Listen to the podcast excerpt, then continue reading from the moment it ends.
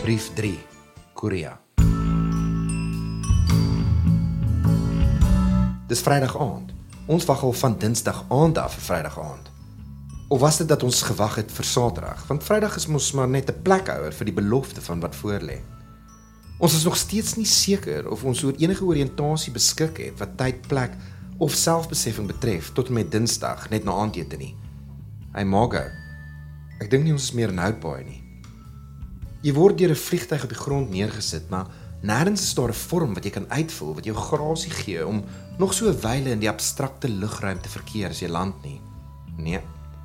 Volgens alle wette wat die menslike kondisie regeer, is dit voete op die grond met bene wat kan stap en 'n hart wat nie dieselfde gaan wees as wat hy was toe hy nog in 'n idee van die ander realiteit vasgegespe was nie. Ons moet vandag ons ARC gaan kry. Dis jou Alien Residency Card. Met dit kan jy mediese afslag kry wat jou klaarblyklik kwytstel van vele voorheen verpligte onkoste en jy kan ook 'n bankrekening oopmaak wat glo amper niks kos nie. Dis alles waar. Die regering laat die uitlanders hier amper verniet verkeer, want ons is haar allerhoogheid se taalmagtig. Hoe uitlanderer, hoe beterer. Ons betaal 3.3% belasting en halfte van die 4.5% van jou salaris vir medies word deur jou werkgewer betaal en dis al jou staatsonkoste. Daar's water, elektrisiteit en gas, maar dit kom neer op 'n poeperige bedragie. Ons het ver oggend 6uur opgestaan ten spyte van die feit dat ek die vorige aand in 'n ambivalente vermaaning vir Margo laat weet het dat dit dalk nie môre die dag moet wees wat ons die 2 ure busrit na Chongju, die hoofstad van die provinsie moet maak nie.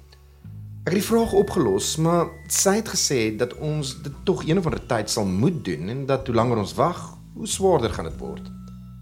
Ons slaap baie sleg op die oomblik, of eintlik baie goed. Ons bioritmes is vir een of ander rede nog steeds op SA tyd, wat beteken teen 1:00 die oggend ons albei lus vir ontbyt. Al die tripelin en melatonien kan nie hierdie innerlike biologiese horlosie se wysers regdraai nie. So na omtrent 3 ure se slaap het ons wakker geword onder 'n donker sluier subtropiese reën. Ek het probeer om my vroukie te oortuig dat jy met een hand die sambreel kan vashou en met die ander die fiets kan stuur. Maar sy het my oortuig dat sy steeds 3 arms nodig het om te stuur en dat die derde arm net daar is omdat sy die onsigbare vierde een net soms te voorskyn laat bring. Ek noem dit die hand van die god van die pedale en speke. Hy kyk tot dusver baie goed na ons, maar nie so goed dat Maga we bus al toe te trap nie. So stap toe maar uit in die buite omgekeerde visbak tot by Lottomaart van waar die busse vertrek. Die busse in Korea is nie die Greyhound straatkoetse waarna ons gewoond was nie. Hulle het nie toilette op nie en vir 'n ou met 'n blaas die grootte van 'n ertjie beteken dit bloot eenvoudig dat jy nie eens jou môre koffie kan drink as jy die 2 ure lange busrit moet aanpak nie. Vir die reis het ons weer eens die vreemde ingeploeg met net Google Maps se blou kolletjie wat jou posisie aandui as bevestiging van waar ons is op die aardbol en dat ons wel tog daar is. 'n Sambreel bedek eintlik net 'n spesifieke deel van jou liggaam. Dit noem hulle nie op die pakkie as jy dit koop nie. Die sambreel hou water van jou hele liggaam af mits jy die sambreel mooi stil bo jou kop kan hou, nie beweeg nie en in 'n reënbuig verkeer wat loodreg by die grond val. As jy stap in reën wat teen 'n skynste val, beteken dat jy eintlik halflyf deur 'n rivier sonder vis trek. Ek het vir Margo vreeslik jammer gekry. Sy dra sulke moderne oop skoentjies wat mooi lyk op winkelpoppe, maar redelik onprakties was vir wat ek sweer was levitating plasse waardeur ons moes weef om tot by die immigrasiekantoor te kom. Daar's min verskille tussen die kantoor en enige ander staatsinstansie waar ons in die verlede al vasgekeer was. Kies een van die 20 vorms, trek 'n nommer en wag jou beurt met jou handvol kontant en 'n persoonlike dokumentasie wat jou vlak van vreemdelingskap bewys. Ons eerste nommer is ons gegee deur 'n bureaukraat wat 16 jaar oud gelyk het. Die nommer was geroep terwyl ons besig was om vorms uit te vul. Na omtrent 45 minute van wag, sê Margaret dat ek weer moet gaan vra en helaas word ons toe weer 'n nommer gegee. Die les is dat jy nooit genoeg kan vra by watter nommer hulle is nie.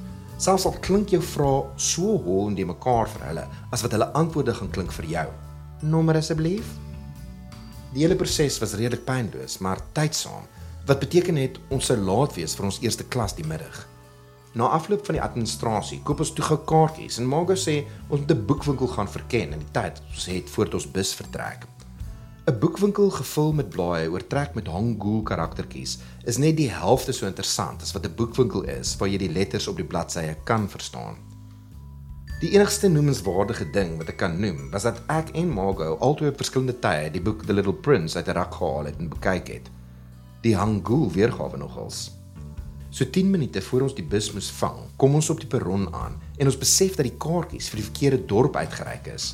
Met my power uitspraak en die kaartjiebeampte se beperkte begrip vir my power uitspraak, is ons twee kaartjies gegee na Jungju, wat amper presies dieselfde klink as Chungju, wat saam basies ook met net 'n klein uitspraaksveranderingkie klink net soos Chongju, wat die plek is van waar af ons die bus moes vang. Ons skakel net daar en dan oor 'n rad wat net beskikbaar is vir besoekers in 'n vreemde land en skiet 'n benoude vaart deur na die kaartjieverkoper. Ons wys haar haar fout uit en sy reik nuwe kaartjies uit na ons 'n paar keer met hoogs geartikuleerde woordsnedes die korrekte uitspraak probeer namaak het en toe die rad waarin ons besig was om te funksioneer vir ons die res van die werk laat doen het.